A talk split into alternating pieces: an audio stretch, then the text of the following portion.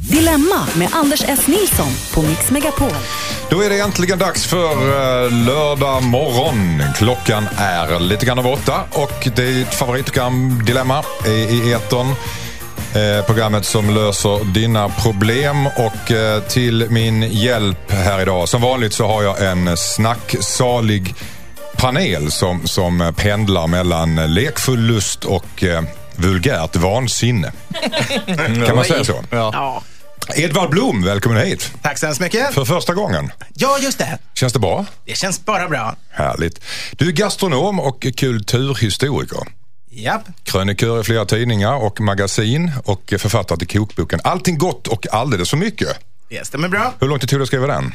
Eh, vi jobbade väl ett år ungefär. Jag, jag och min hustru, det var jag som var huvudförfattare och eh, Gunilla var, hjälpte till på många sätt. Skrev hon då också eller stod hon och pratade? Så skrev Hon du? hjälpte mer till med att redigera texten och eh, avsmaka rätter och sköta, sköta allt praktiskt. Och vår kommande bok som kommer i september, då har vi däremot skrivit den helt ihop bägge två. Och vad heter den då? Den eh, är fortfarande ett hemligt namn, men Oj. den kommer i september. Okej.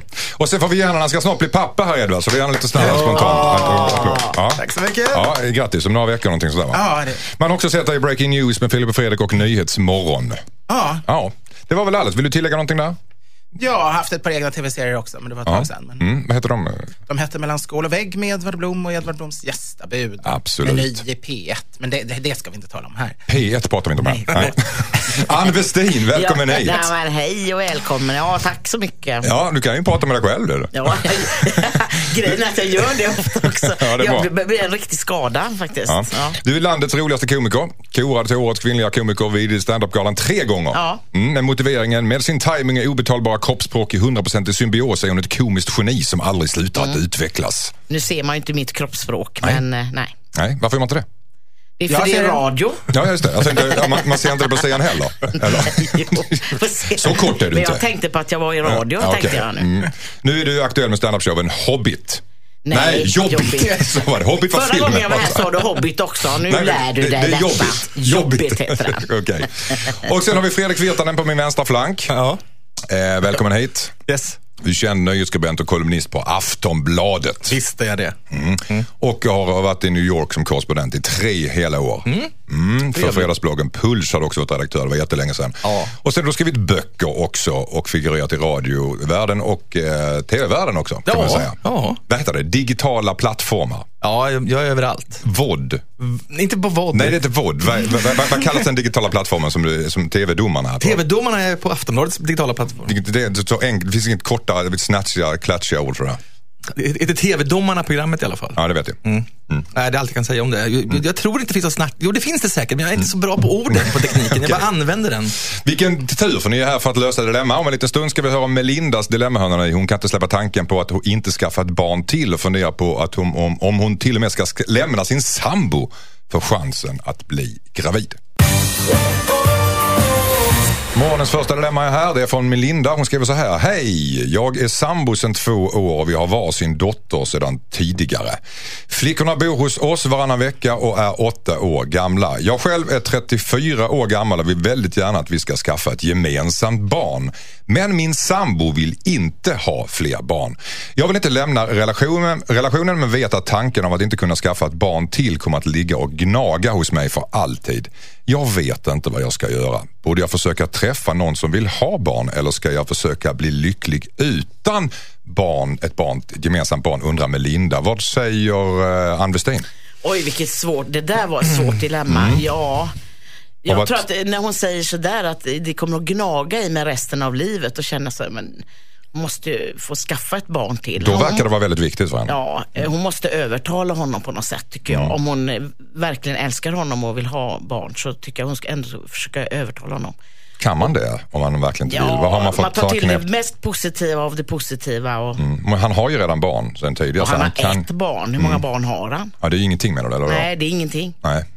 En en, en, gång, en gång, ingen gång. Två gånger ett system. Är det det? Nej, det- Vad säger du till Fredrik Virtanen? Men ha- hade hon, hon har också, de har varit gemensamt de har, tidigare. mm, de, nej, de har ett varsitt barn Ett på varsitt varsitt håll. barn. Flickor som är åtta år gamla. Ja, det här är väldigt komplicerat. Jag, jag tycker också han borde ställa upp så att säga. Eh, Men, Men du kan ju inte kräva. Nej, det går inte att kräva det, men hon kan ju samtidigt hälla i någon väldigt mycket punch en kväll Mm. och sen kan det ju hända att eh, hon vaknar upp några veckor senare och då är det fait accompli som det heter. Ja, precis. Mm, men det är lite oetiskt göra naturligtvis. Verkligen får man säga. Ja, det får att man. lura, då kan du så här bita hål på kondomen och sådana här fula grejer Just det. också. Nej, det, det är inte lämpligt. Är inte Edvard. Blom, välkommen hit igen. Vad säger du om det här första dilemmat? Punch är ju alltid trevligt, men, men det kanske ändå inte är den bästa lösningen. Du fastnar på punchen. Jag skulle säga att problemet ligger väl lite grann hos honom. För har man ett, ett seriöst livslångt förhållande som man tänkt sig, eller i alla fall tills vidare förhållande, så tycker jag att det inkluderar att man, man ska, ska kunna, om den ena parten vill ha barn, så bör man skaffa barn. Det, det tycker jag egentligen man har en sorts skyldighet. När du säger man, vilka är det? Är det statistisk undersökning eller är det alltså, nu, han, för han vill ju inte ha barn. Nej, och jag tycker han kanske borde ge efter på den punkten. Mm. Men å andra sidan, om han vet med sig att han är förfärligt dålig far så är det ju ingen bra idé. Så det beror ju väldigt mycket på den individuella situationen som är.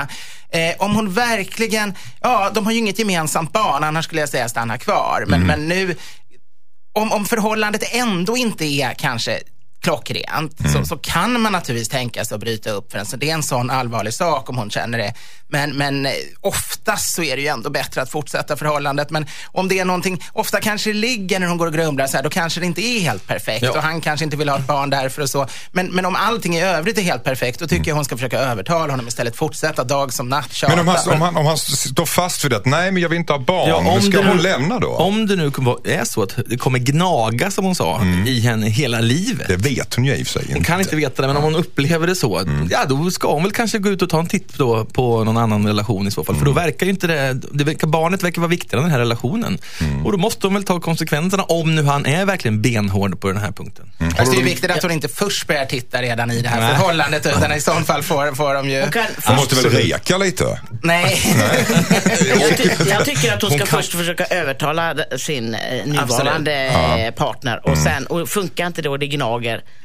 skaffa en ny. Ah, Skaffa en ny Ja. kille? Ja. Mm. Hon kan, hon Som kan vill ha gott få barn. reka tycker jag. Men det är ju verkligen inte säkert att hon hittar någon som liksom vill ha barn och att det blir bra. Det kanske blir ett jättehemskt förhållande. Och...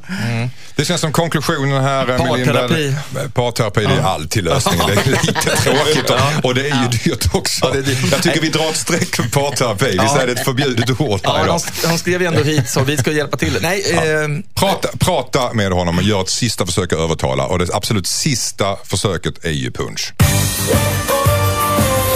Där var de klara. Hosier och Take Me To Church i programmet Dilemma med mig Anders S. Nilsson, Edvard Blom i panelen, Ann Westin och Fredrik Virtanen.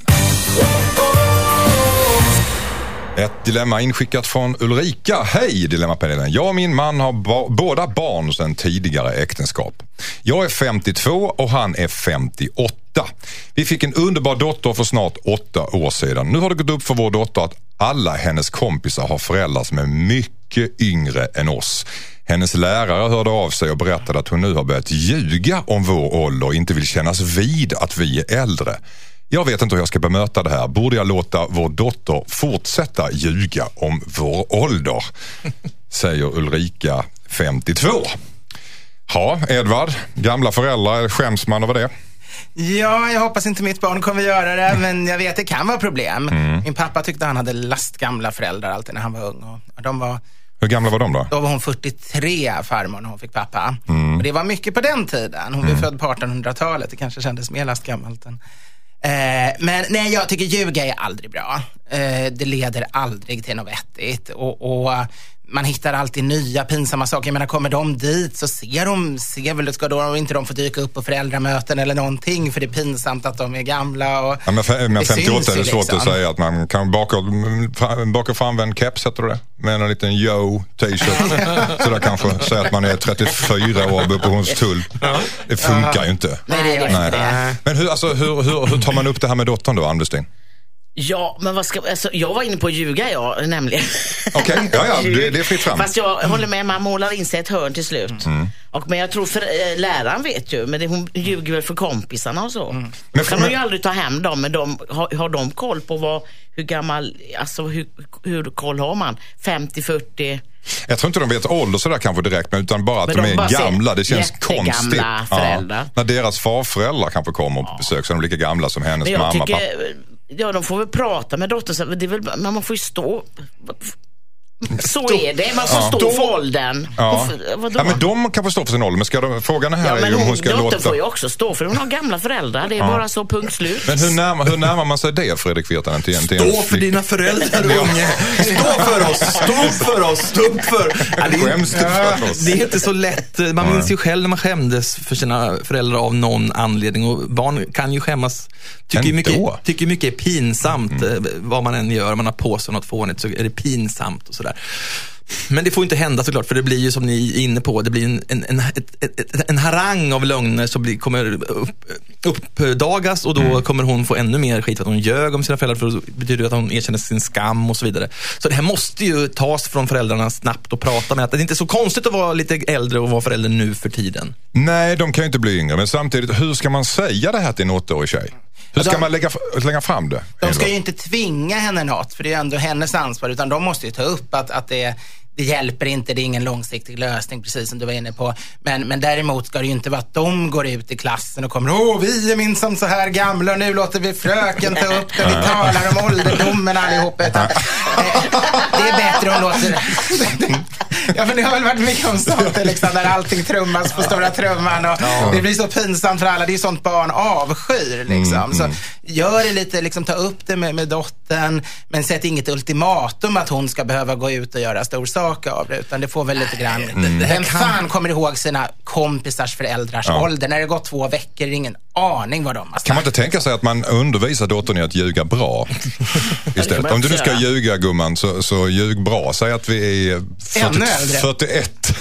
Typ. jag Alltså, tror- det kan du kanske komma undan med, med lite smink. Men man får väl, får väl eh, tala om för barnen att håller du på att ljuga sådär så blir, ger det ena det andra. får du ljuga vidare så att man ger en konsekvens av det. Så Jag tror någonstans. svaret i det här fallet är att klassiskt sopa det här under mattan. Jag tycker föräldrarna ska släppa vad barnet håller på att snacka om i skolan. Så kommer det här rinna ut i sanden, är vad jag tror. Men Alltså- tjejer mår ju, hon blir ju lite mobbad nästan, verkar det som. Eh, Det är ju faktiskt väl- väl lärarna som Men de av sig helt enkelt. för att Ja, det är lärarna som lär Lärarna sig. har hört av sig, så att det är klart att tjejer mår dåligt. Alltså, de har ju sett att tjejer mår dåligt för det här. Liksom.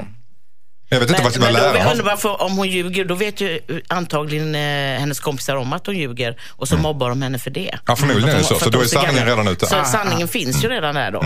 Ja. Så konklusionen är, Lärarhögskolan kanske borde lära lite grann Är det om din konklusion? barnen blir mobbade. vad Okej. lärarna ska göra. Ann Westin, din konklusion av det här är? Jag tycker föräldrarna ska prata med henne och prata om det här med att ljuga och, och så. Och så. Och Fredrik Virtanen? Hon får väl liksom lappa till de här som mobbar henne. Ja, precis. Okej. Lappa till dem. Lappa till dem, ja, jag Ska tror man det. säga det till sin dotter? Japp. Ja, Fredrik, det där hörde du inte Ulrika. Hej Dilemmapanelen. Min flickvän föddes i fel kropp och har genomgått en könskorrigering. Det var en tuff period för henne och jag har all respekt för vad hon har genomgått. Det var innan vi träffades och jag har aldrig sett henne som något annat än en kvinna. Vi har varit ihop i två år och det börjar bli seriöst nu. Hon valde nyligen att berätta för mina föräldrar och resten av min familj om sin könskorrigering. Mina föräldrar rörde inte en min när hon berättade. I efterhand så hörde mina föräldrar av sig och sa att de inte var så bekväma med det hela. De tyckte till exempel att vi inte skulle fira midsommar ihop som vi hade planerat. Min bror sa även att hon inte får passa deras barn längre. Jag trodde verkligen att de eh, inte, inte de skulle reagera som de gjorde och jag är väldigt arg nu på mina föräldrar. Allt fungerade så bra med min familj fram tills att de visste om hennes historia. Som jag känner just nu så vill jag inte träffa mina föräldrar och min brorsa mer. Min flickvän har inte så mycket familj men vi har flera goda vänner som stöttar oss. Jag kommer att känna mig väldigt ensam utan min familj men ser ingen utväg just nu. Borde jag säga upp bekantskapen med min familj? Undrar Leo. Eh, Virtanen sträcker på sig som ett gotiskt kyrktorn. Vad, vad säger de där? Ja, det borde, borde. Den här familjen är ju fullständigt bigott. Ja. Ehm, det finns det gott om där ute. Ja, men det här är ju ett eh, beklämmande fall av bigotteri. För så här långt kan man ju inte gå. Att eh, inte vilja fira midsommar. Och varför har de ett problem med vem den här personen har varit en gång i, i tiden? Eh, sånt här gör mig faktiskt bekymrad för hur, hur det ser ut. Jag menar, snacka om brist på tolerans alltså. Eh, jag kan förstå om inte alla tycker om det och så vidare, men om det är ens egen familj som eh, har blivit kär och älskar någon som en gång har varit man och sen har blivit kvinna eller tvärtom. Men någonstans- hacka i det. det här är, ju- De behöver ju verkligen ta ett rejält snack med sin, sin, sin bildning och sin, sin modernitet. Det, det, här det här är ett enormt problem. Det tror jag Leo håller med om i alla Ja. sju dagar i veckan. Men nu är ju frågan alltså om han borde säga upp bekantskapen med sin familj eller inte. Mitt svar, Fredrik. mitt svar var ja alltså. Ditt svar var ja. Vad säger du Ann Westin? Ja, eh, känslomässigt känner ja det tycker jag. Jag menar, som förälder, jag fattar inte heller, jag vet inte vad bigott är för något. Begått ett intolerant. Ja, inte, ja jag, blir helt, jag blir chockad av det liksom, i dagens... Jag förstår inte alls, hon är ju kvinna, jag fattar inte. Nej, men jag, nej, men då får man väl säga upp bekantskap. Men det är, ju, tycker- led- det är ju väldigt ledsamt att behöva göra det. Men Ja, det är det göra det? Mm. De verkar ju tycka väldigt illa om, om hennes könsbyte, här så pass att de ratar sitt Ja, men tänk, barn. hon har suttit där och varit helt ärlig och, Mm. och eh, med ett förtroende och de bara Mm. smäller till. Liksom. Det, Jag tycker att det är ja, fruktansvärt. Eh, vi kan gråta flod över det, men vad ska, vi, vad ska, hon, vad ska han göra Leo? Vad säger du Blom? Ja, jag håller inte med att de ska säga upp bekantskapen. Däremot håller jag helt med om att familjen är riktiga svin, svin verkligen. Jag, jag tycker det är fruktansvärt. Man, man måste ju acceptera alltid en, en, ens barns val av partner, vilket kön de än har, vilket kön de än har haft, vilken religion. Det, det, det, det är barnens val och man måste ta emot det som en, en, en ny familjemedlem. Och, och Men alltså, man har väl, föräldrar har Men- väl ratat barnen för mindre grejer än så här Jo, genom och historien? det är fruktansvärt. Men jag tycker ändå aldrig egentligen man ska säga upp eh, familjeförhållanden. Jag tycker familjen är viktigt. Eh, utan ja, låt det ligga på sparlåga. Visa att man är jävligt förbannad. Håll, håll kontakterna nere ett tag men hoppas ändå att, att det går. Och, och, och naturligtvis alltid vara på flickvännens sida. Att in, inte välja, välja liksom familjens parti mot henne men, men ändå inte bryta helt. Det, det, Hur gör man för att få sådana här bigotter eh, till ett uppvaknande då? Edvard, vad, vad, vad säger du? En del funkar ju med tid. En del så efter ett par år så, så är allting jättebra. De tänker liksom oj då, jag hade bara lite eh, konstiga åsikter. Men en del, en del familjer, jag känner till flera fall när, när till exempel homosexuella inte har accepterats av sin familj och där, där det verkar vara helt omöjligt. Det går tio år och ingenting händer. Liksom. Så det, Jag tror det bästa, det här är nog deras chans, eh, faktiskt familjens chans, att eh, bli av med sitt bigotteri. För här får de märka att ja, men det här är en vanlig person, en underbar person som vi älskar. Ungefär som folk som eh, kanske inte tycker om, kanske är rasister helt enkelt. När de väl träffar tillräckligt många eh, med en annan hudfärg så slutar man att vara rasist, för det är ingenting att vara rädd över. Men det ingår ju någonstans i människans kärna att vara lite rädd för det som är främmande, det som man inte Är det vet vad det är. det här handlar om? Helt Det, det får vi hoppas att det bara är, att det inte är något ännu mer djupt rotat och då kommer de märka att det här var inget konstigt. Det, här, det kommer vara bra. Så jag tycker det är utmärkt, eh, ge det lite tid och så vidare och, om det inte hjälper då får vi, då får vi avsluta. det. Du- är du jag, jag linje? håller med om det. Ge det tid. Det är inte bara så att bara... Ge det tid, men bekant, du, du sa, säg inte upp bekantskapskretsen, men gör det under en tid sa Ja. du. Någonstans. Ja, inte liksom eh, förklara bruten relation, men däremot visa att man, man är väldigt, väldigt ledsen och, och besviken och låter, låter det gå lite på sparlåga. Ett ord, överlevnadsläger. Det var ett ord. Ja, det var ett ord. Mm. Tack. Nej men alltså, det, Ja. det, kan, de inte, kan de inte samlas till ett överlevnadsläger och säga att, att alla måste hjälpas åt? Jag tror på den grejen. Jag vet inte vad överlevnadsläger är för någonting Jag vet inte, Kan vi ta är det efter jag är reklamen inte säker på att jag vet det heller. Men det är så där man äter man får huggor med Leif Jag har rätt i att det är ett ord. Ja, det är ett ord. Det är Okej. Mm. Jag har blivit ombedd att förklara mig själv med det här med överlevnadsläger. Min poäng är alltså att man samlas, hela den här tjocka släkten med de bigotterna och allihopa och hon som har bytt kön. Ut i skogen, ingen mat, ingenting och så måste de hjälpas åt för att hitta och lösa de mest basala behoven som människan har och i det hitta en gemenskap att vi är alla människor. Ja, men då Har det framgått nu? Nu förstår vi överlevnadslägret. men Underbart. då får man hoppas att det funkar också. Att Ja. de lyckas överleva. Eller alltså, Ann. Eller så får man, rätta att, får man hoppas att rätt personer dör. Okej, nästa dilemma. Hej Dilemmapanelen, jag heter Kent. Jag och min tjej ska gifta oss i sommar. Varken jag eller hon tycker om min mammas bror. Han säger väldigt opassande saker. Han kan vara taskig och börjar ofta bråka med folk han inte känner. Han brukar inte bli våldsam men han har en historia av att ofta börja skrika och diskutera vildsint när han inte håller med. Jag och min tjej vill helst inte ha honom med på bröllopet överhuvudtaget. Men min mamma kommer att bli väldigt sårad om hennes bror inte får komma. Borde vi strunta i att bjuda min morbror på vårt bröllop trots att min mamma kommer att bli väldigt ledsen? Undrar Kent. Vad säger du Edvard Blom? Nej, eh, gränsen går just vid våldsamheter. Mm. Morbror är så nära, så där är etiketten stenhård. Ni kommer inte undan. Om han inte är farlig så får ni försöka placera honom, försöka Mm. eh, förvarna folk som ska hantera honom, hålla honom lite grann. Folk som, man kan ha ett helt gäng som vet om det här och vet hur de ska ingripa och försöka lugna honom. Men de kommer inte undan honom. Nej, de gör inte det. Så länge han, han bara är plump och skriker dumma saker men inte är våldsam så är han välkommen till bröllopet. Tyvärr är det så. Tyvärr är det så, säger Edvard Blom. Vad säger du, Ann-Kristin? Ja, det är klart jag ska gå. Men kan man inte, nu säger jag något olämpligt, kan man inte droga ner honom? Punch! Punch, punch igen och göra alla snälla tänkte jag. Snarare än droga ner den. Ja, punchen. Ska man ta dit morbror och droga ner morbror? Tror du inte han kan snedtända på det och det blir ännu Nej, en värre? liten drink och lite grejer. Det finns väl sjukvårdspersonal i släkten kanske som kan ta hem något. Det låter, det låter som en, det låter nästan, Det lät nästan som jag hade varit med om det. Ja, nästan som en stilla önskan. Alltså, va, alltså en drink och lite grejer. Vad vad är lite grejer då? ja, men... Rohypnol menar du eller? Ja, men då kan man bli galen av. Vet Ja, du. inte- att, ja, men Lustgas.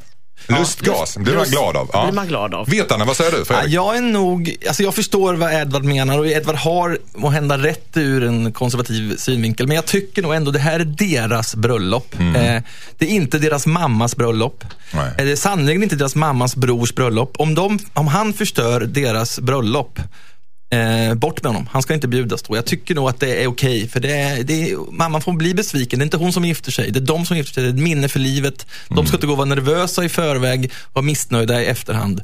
Nej, Edvard, jag är inte på din sida här. Sen är frågan om mamman betalar eller de betalar. Ja, det, det kanske Traditionellt är det ju brudens föräldrar som bekostar och då kommer väl ändå åtminstone att man har svårare. Jag tycker nog att Edvard, jag håller med Edvard faktiskt. Han ska få gå och så har vi några eh, lämpliga personer som håller honom lite sysselsatt. Medan någon häller någonting i drinken. så är det någon som håller honom. Nu förstör ni deras minne för livet här. Ni inser det va? Ja, men det är inte bara deras. Ett bröllop är naturligtvis deras, men det är samtidigt en stor del. Alltså det, det är en officiell sak också. Det är inte bara en liten Och högtid mamma är mellan två. med. Och, mm.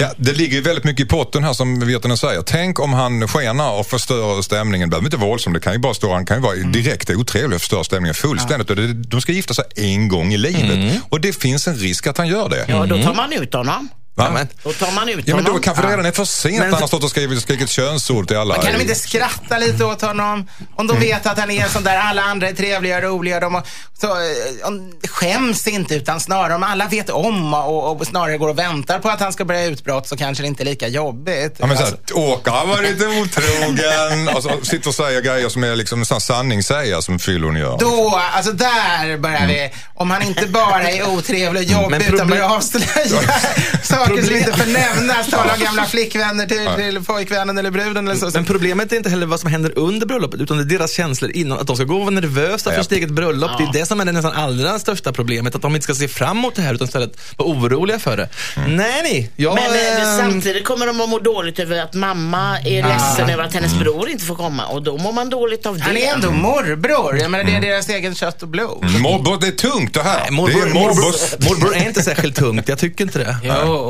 Jag är, mor- det- jag är morbror till massa ungar, sju, åtta, nio stycken tror jag. Jag ger time-out här, vi ska fortsätta efter fan. Det vad betyder bra. ingenting för mig. Jakob Karlberg i Mix Megapol i programmet Dilemma med mig, Anders S. Nilsson, Edvard Blom, Ann Westin och Fredrik Virtanen. Och vi pratade just om ifall Kent och hans flickvän skulle bjuda sin eh, sanslösa morbror som kan förstöra deras bröllop om man ska bjuda dem på bröllopet. Och eh, nej, sa Virtanen. Det är ert bröllop och han kan förstöra detta. Och Ann Westin och Edvard sa, han är ju ändå morbror. Mm. Och, det där- slår tungt. Och där står vi, där står vi fast. Det står ni fast I låsta positioner. I låsta positioner. Ni kommer inte att komma fram till någon slags decemberöverenskommelse här. Nej. Det behövs jobbiga människor också skulle jag säga. Det kan till och med, det- ja, det kan till och med ge lite färg, piffa Ja, men upp nu, det, det där, nu vänder jag. jag, jag, på- det behövs jobbiga människor, det är faktiskt sant. Då, då, jag- jag, jag viker mig här.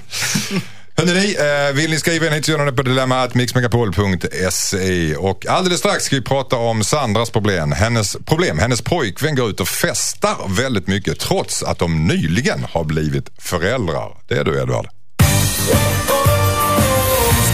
Hej, jag heter Sandra. Jag och min kille har nyligen skaffat barn. Vi har alltid gillat att gå ut och festa och dansa mycket. Efter att jag blev gravid så var vi hemma mycket tillsammans men nu har min kille börjat gå ut igen. I början var det någon gång då och då men allt eftersom så har han allt oftare börjat gå ut med grabbarna på helgerna. Förra månaden var han ute varenda helg till exempel. Vår dotter är 11 månader och det känns som att han spenderar mindre och mindre tid med vår dotter till förmån för grabbarna. Han är världens bästa pappa annars men jag förstår inte varför han måste gå ut varje helg.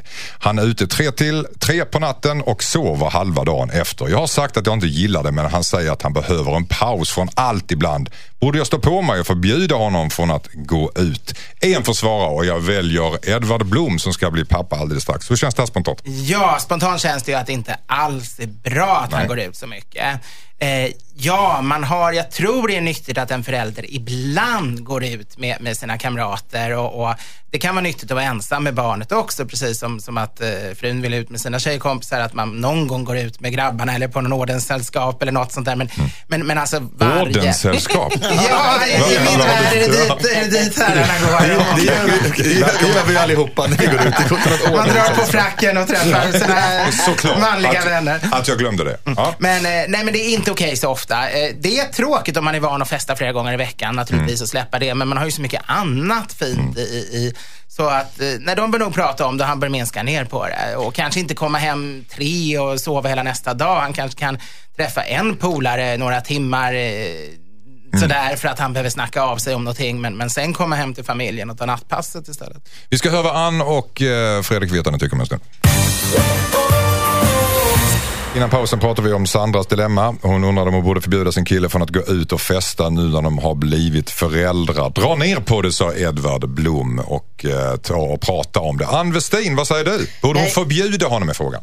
Och gå ut? Eh, Rent så som jag säger, känner spontant nu, så ja det tycker jag. Mm, Då har han 11 Ja. månader liten dotter. Ja, men jag tycker inte alls han ska vara ute varenda... Det är klart han ska vara med kompisarna någon gång, men han ska inte vara ute... Och ska han vara ute så ska han jädra men inte vara trött dagen efter i alla fall. Nej, Då ska det- han ta hand om ungen. Så är det bara. Man har barn. Det är två som har barn, det är inte bara hon som har barn. Han har barn också. Han ska... Nu tänkte jag svära också. Eh, han ska Du ser väldigt fientlig Alltså ut. jag Jag blir, jag blir vansinnig. Nej, jag... Nej, jag tycker hon får, hon får sätta mot hårt där alltså. Mm. Jag tycker inte att det är inte alls lämpligt. Han har en liten bebis. Så är det Mm. Ta bara. ditt ansvar. Gå, gå, hur mycket får han gå ut då? Tänk om, tänk om både hon, hon säga jag behöver också gå ut. Så går hon ut, så går han ut, så lägger vi bebisen ensam. Är det så vi ska ha det? Nej, Det såklart finns en inte. programvisa om det. Vad säger du Fredrik Virtanen? Nej, jag måste nog vara lite mer tolerant här. Jag tror Mm. vi ska fokusera vad han sa, att han behöver en, någonting för att komma bort eller vad det var, för att han det jobbigt. Han, är, han var inte van vid det här, han fick ett barn. Han går ut en gång i veckan. Det är inte jättemycket. Eh, faktiskt. Nu ska man, hon upplever det mycket, okej, vi respekterar det. Men om han behöver gå ut en gång i veckan Mm. och, och sen sova till tre, då, jag tycker också, går man ut så ska man faktiskt gå upp på morgonen, det håller jag med om. Men om han inte ens orkar det, en gång i veckan. Jag tycker han kan få göra det om det, om det kan rädda förhållandet. Annars kanske han inte klarar av den här, som man upplever det, eh, Fångenskapen. fångenskapen han har fått då. Varför skaffar han barn då? han är då hemma, han är hemma sex dagar av sju. Han är hemma Eh, sex dagar trots sju, så är det positiva i det. så jag och sen kanske hon behöver faktiskt att hon, han går ut på fredagen, och sen får so- han sova till tre och sen går hon ut vid tre på, på lördagen och sen får han ta hand om ungen resten av helgen. Hon kanske behöver det också. Jag Ja, tror de ska ja, vara så lite mer vara. sådär. Men hon verkar ju inte vara i- av inställningen att hon behöver det här. Hon är ju Nej. störd över detta. Ja, jag vet. Att Och- han och går det- ut hela tiden. Ja, det är tråkigt, men jag, tycker, jag tror nog att han, är det en gång? Jag tror inte relationen blir bra. De jobbar fem dagar i veckan och sen är de ute var och en för sig. De andra två, jag menar vad har de då för gemensamt? Då är det ingen familj. Då, då kunde de lika gärna bo särbo och ta hand om barnen Nej, men det är, det är en dag Edvard ju. Det är en dag.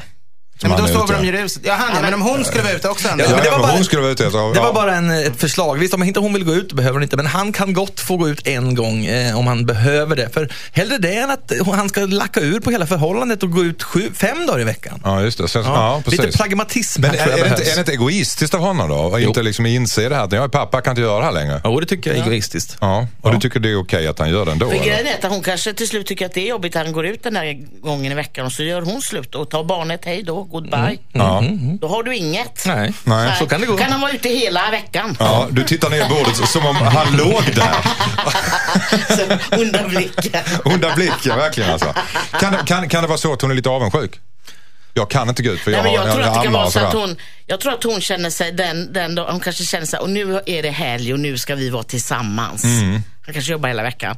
Och, så, och sen ska han ut och ska sova, alltså he- helgen spräcks upp och då får de inte den där gemenskapen utan, och det är det hon saknar tror jag. Mm. Men de behöver ju inte sitta inne hela helgen. Eller de kan väl gå ut tillsammans, vara på parmiddagar, vara på andra, gå på restaurang och äta. Men ett Ta med- ordenssällskap. Ta med, ja, de kanske inte alltid tar med damer. Mm. Eller bal kanske. I ordenssällskap får man inte ta med henne, Nej. eller hur? Man måste ha gå igenom så här, man måste dricka getbloden och sådär eller för att komma in. Är är det så? Ja, de flesta har inte det, men det... Recitera Shakespeare baklänges och här grejer.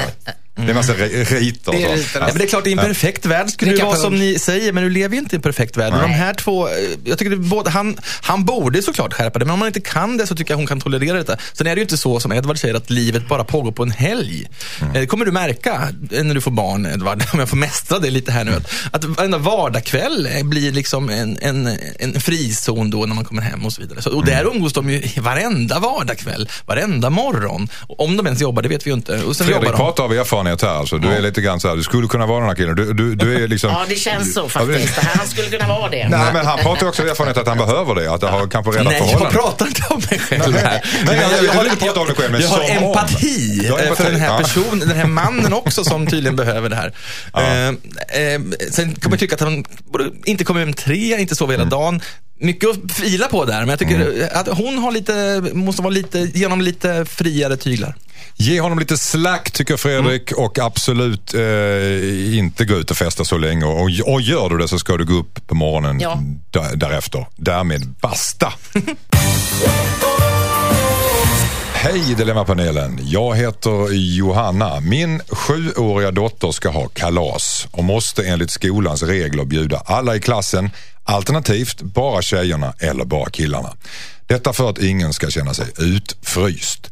Problemet är att min dotter absolut inte vill bjuda ett fåtal av tjejerna i klassen eftersom de är väldigt elaka och tuffa mot henne.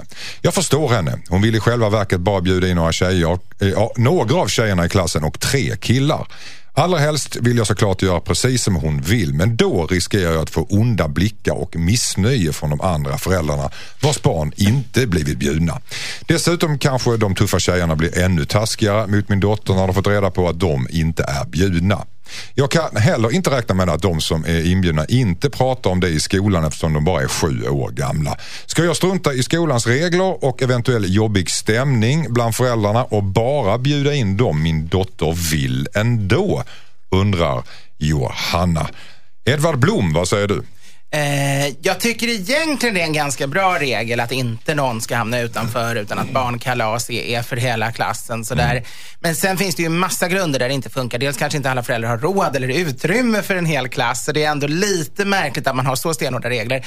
Jag skulle föreslå att hon istället gör någonting annat. Man kan ju inte bjuda alla utom tre eller alla utom fem. Men däremot skulle hon ju kunna göra en mindre aktivitet med sex, sju, eh, när det är mindre än, mindre än halva klassen, alltså bara några stycken vänner. Och då behöver de inte kalla det kalas och följer det inte under den här regeln utan de kan ge sig ut på någon utflykt eller göra någonting ihop som ändå Eh, med anledning av hennes födelsedag men som inte riktigt är ett barnkalas och då skulle hon komma undan regeln. Hon ska mörka bevekelsegrunderna egentligen. För i grund och botten så vill hon ju kanske då gå till en dotter till mötes och inte bjuda in de tjejerna som retar henne. Ann Westin, vad säger du? Åh, vad, vad svårt det där var. Men, men jag tycker det är bra. Jag har själv varit utsatt för det där, jag på säga. Men jag tycker ändå hon ska, de fick bjuda tjejerna då, var enligt regeln va? Alla tjejer. Mm. Alla Antingen tjejerna får de bjuda. alla- Eller alla killar. pojkar. Eller alla pojkarna. Ja. Det Bjud alla pojkar. Nej men, bjud, Ja, träna. nej, men bjud alla. Nej men jag tycker nästan att man ska bjuda alla flickorna. I så fall. Om, Mm. Även om, de om, som- som om hon nu väldigt gärna vill ha några ur klassen. Eller så har, har hon inga andra kompisar som man kan bjuda. Alltså att har, har ett annat slags kalas som inte innebär klassen. Statistbarn som följ, Ja, fyller upp de tomma. Nej, men platserna. det är ju bra att blanda, det är sant. Vad säger du Fredrik Virtanen? Ja, jag, men, jag tycker ni bägge är kloka här, men jag tror problemet är ju inte den här festen. Den är ju bara liksom, eh, symptomet på problemet. Det här handlar om att är liksom mer eller mindre mobbing i skolan, att de är elaka mot henne. Så, så här måste ju problemet angripas tidigare. Alltså gå till klassen och, och läraren måste ta tag i det här och kanske föräldramöten och hela den här konkarongen. Mm. Så att nästa gång det fylls år, eh, eller det ska vara kalas, då blir det inte samma problem. Då kan alla, antingen pojkarna eller flickorna bjudas. Nej, det här, festen här är inte, det är inte där det sitter. Alltså. Och hur ska lösa själva festproblemet, det är ju oerhört svårt. Ja, Fredrik, det är ju ändå festproblemet som är det överhängande problemet just nu. Vad ska man göra? Men alltså varför ska en sjuåring kunna umgås med, med folk som mobbar henne på skolan och ha kul på sitt eget kalas när vuxna inte, vi skulle aldrig tänka på tanken att bjuda in Jo, folk nej. som, som folk som vi inte gillar, som, som vill göra, sig illa. Varför tror man att en liten tjej vill Proble- det? Problemet är väl att det kanske inte är att mobbarna inte bjuds utan att det då blir snarare ett par av de mobbade som aldrig kommer med på någon kalas. Jag tror det är därför Exakt. man har regeln. Men jag var faktiskt med om det här i, i, i fyran eller sånt hade jag ett kalas och så man var tvungen att bjuda alla och jag bjöd alla utom en. För jag var kär i en flicka och hon hade varit jätteelak mot mig och sagt elaka saker och då var jag jättesårad in i hjärtat och ville ju absolut inte bjuda henne. Jag hävdade att jag liksom hade rätt, det var mm, it's my party liksom. Det var jag som var värd, jag hade rätt vilka jag skulle bjuda. Till slut så fick jag ge efter för föräldrar och, och lärare och så. Det var väl bra att hon bjöds med. Jag menar, Var det det? Jag tror det. Vi var goda vänner sen i många, många år som klasskamrater. Sånt- Ja, men- en förälskelse övergår ju på en vecka och en ilska också är ofta i den där åldern. Så, så. Ja, det gör det. Man är ganska kortsiktig i den Mm. åldern. Vad säger du, Ann Ann Westin? Slutligen här. Ja, vad ska jag säga? Jag är ändå så här, för jag tänker de här tjejerna som mobbar kan man inte på något sätt, och jag, det, jag vet det är ett, ett problem som man skulle ha tagit tag i tidigare kanske, men när att de är med på kalas, så man håller koll på dem helt enkelt och Mm. kanske ändå får dem att, jag vet inte. Försöka sammanföra dem. Ja, sammanföra dem på något Ja. Jag Så, tror- en, en konklusion här bara. Ett, en kort konklusion. Ska hon strunta i skolans regler? Ja eller nej? Nej, ja, Nej. hon får följa dem. Ann, Ann Westin, Nej, hon följer dem. hon följer dem. Och Undvik dem, alltså hitta ett sätt att och varken bryta mot dem eller behöva följa dem. tack så mycket. Hej Dilemmapanelen, jag heter Emilia. Jag och min pojkvän satt och kollade på film häromdagen när en fågel flög in i fönstret. Hans första reaktion var att springa ut och stampa ihjäl fågeln. Skrattar du Ann? Jag skrattar inte alls. Får jag, får, jag, får, jag, får jag läsa färdigt? Han stampade ihjäl fågeln. Jag skrek åt honom att sluta. Men det var för sent, skriver Emilia. Fågeln var chockad och förvirrad men den levde och skulle antagligen mått bra några minuter senare. Han sa att man ska döda dem så fort som möjligt så att de slipper lida. Ann, nu får du sluta. Jag blev chockad. Jag fattar inte hur någons första reaktion kan vara att döda det stackars djuret. När jag skällde ut honom blev han arg och sa att jag överreagerade. Jag tyckte vi skulle begrava fågeln men då skrattade han rått och sa det är ju bara en fågel. Google. Han tog en spade och kastade fågeln i en buske. Jag vet inte om jag överreagerar men jag funderar allvarligt på att göra slut med min kille. Jag såg en sida hos honom som jag avskyr. Borde jag lämna min kille? undrar Emilia.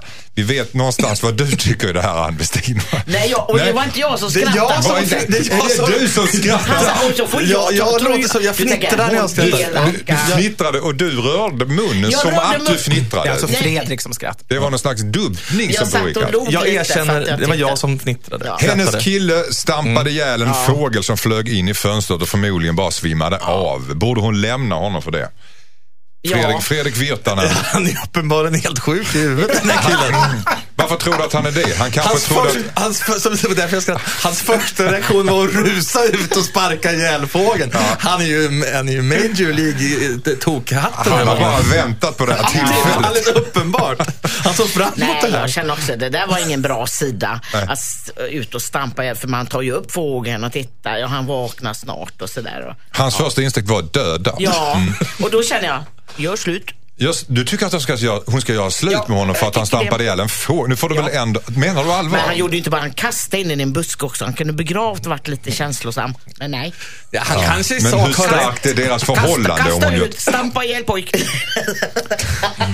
Vad säger du Edvard Blom? Nej, Jag tycker också det låter som ett väldigt konstigt beteende att rusa ut. Men det kanske är att han är överdrivet djurvän och tror att det är så man ska ha lärt sig att det är så man ska hantera det. Mm. Eh, Jag skulle bara sagt bong, där flög en fågel in och sen skulle jag gått och satt på kaffe och inte brytt mig om det överhuvudtaget. Det är liksom överallt dör det fåglar runt om i världen utan att man behöver ingripa. Men, eh, Därför skulle du omedelbart gå och gjort kaffe. det är inte Varför- omedelbart. varför- varför- alltså, Pavlovska-reflexen hos Ni dig. är, överens, ni, ni är överens om att man måste lämna soffan i alla fall. Nej, Han stampar ihjäl fågeln, du går och gör kaffe. Jag, jag skulle inte reagerat alls. Nej, Men ja. Däremot så skulle alltså, jag skulle sagt oj vad tråkigt och sen skulle jag inte vara med med det. Men, men absolut, eh, man, man lämnar ju inte någon för en enda handling. Det måste Nej. till mer än en, ett bevis på att en person är galen. Men man måste åtminstone ha tre indicier på att innan man... Tre fåglar Tre ihjälstampade.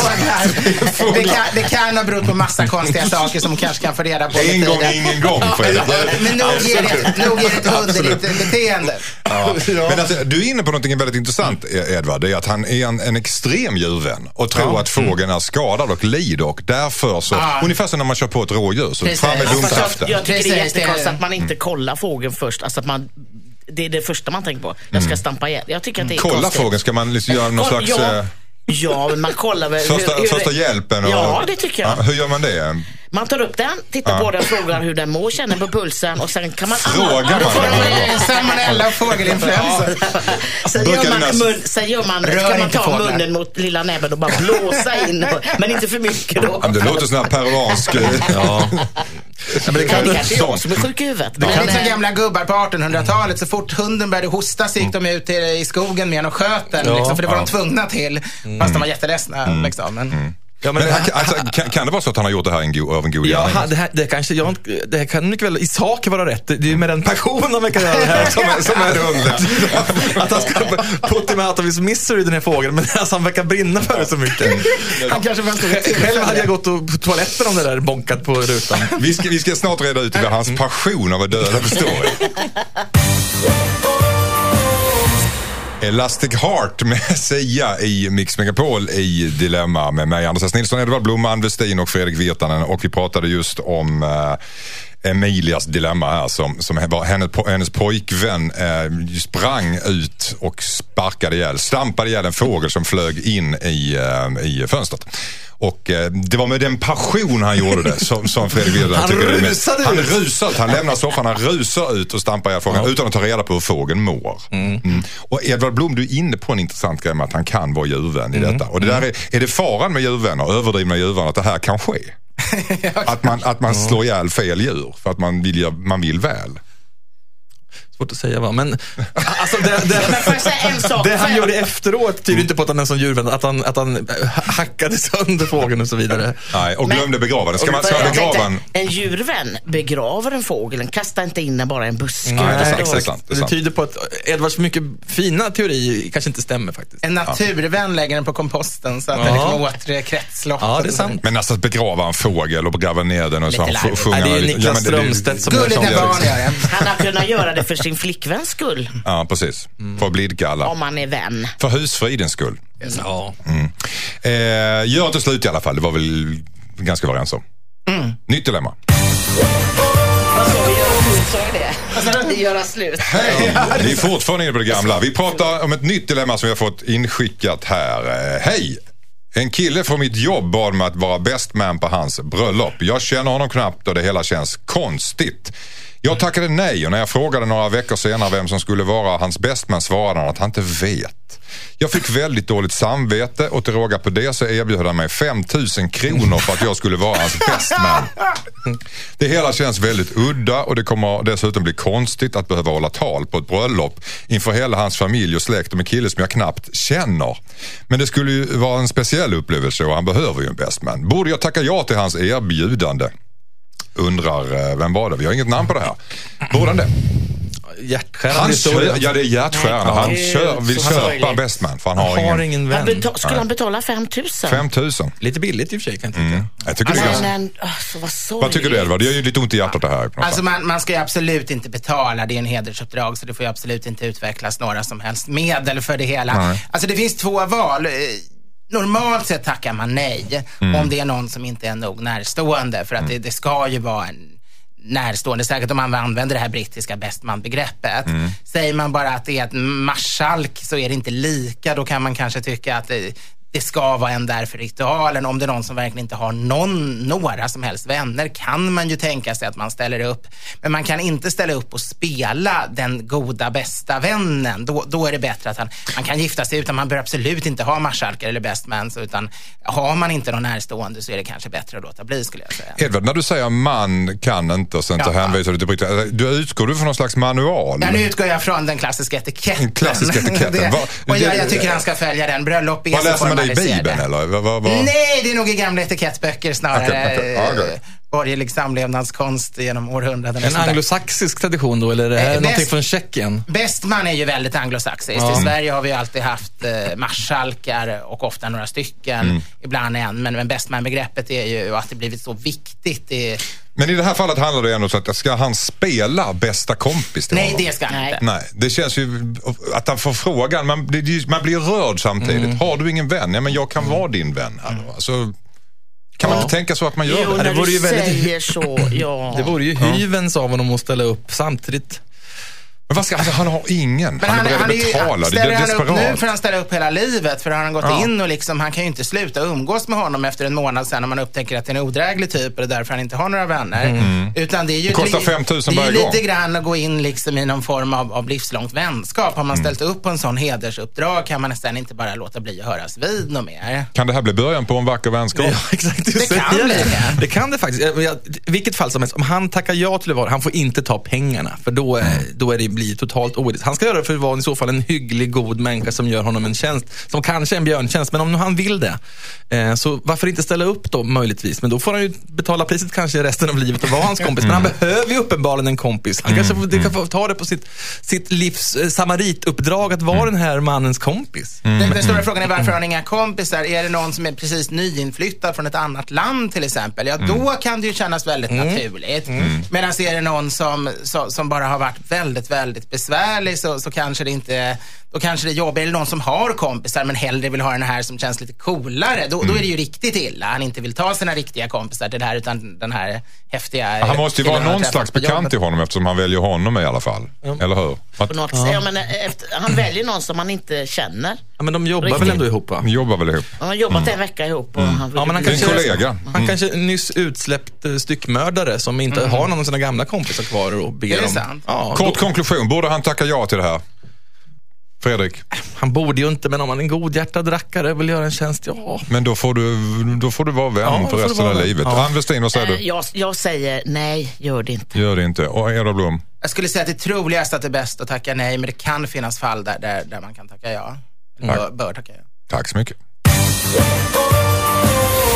Tiden går ju fort när man har roligt. Det var alldeles för idag. Jag säger tack så jättemycket till uh, premiär idag för Edvard Blom. Ja, tack så Klarade mycket. underbart bra. Eh, tack så jättemycket till Ann Westin. Tack. Tack Fredrik Virtanen. Tack, tack. Varsågod. Har du missat något eller vill du höra programmet igen, gå in på radioplay.se mixmegapol och klicka på dilemma. Så kan du också mejla in dina dilemman till dilemma mixmegapol.se. Imorgon är vi tillbaka igen med nya heta dilemman. Bland annat tar vi upp Ida som har legat med två av hennes bästa killkompisar. Något hennes nuvarande kille inte gillar. Och sen köper Adams släkting sex. Hörrni, detta är bara några av de dilemman som panelen ska få sätta tänderna i imorgon bitti. Missa inte detta. Klockan åtta är det som gäller. Vi är tillbaka då. Vi säger unisont hej då!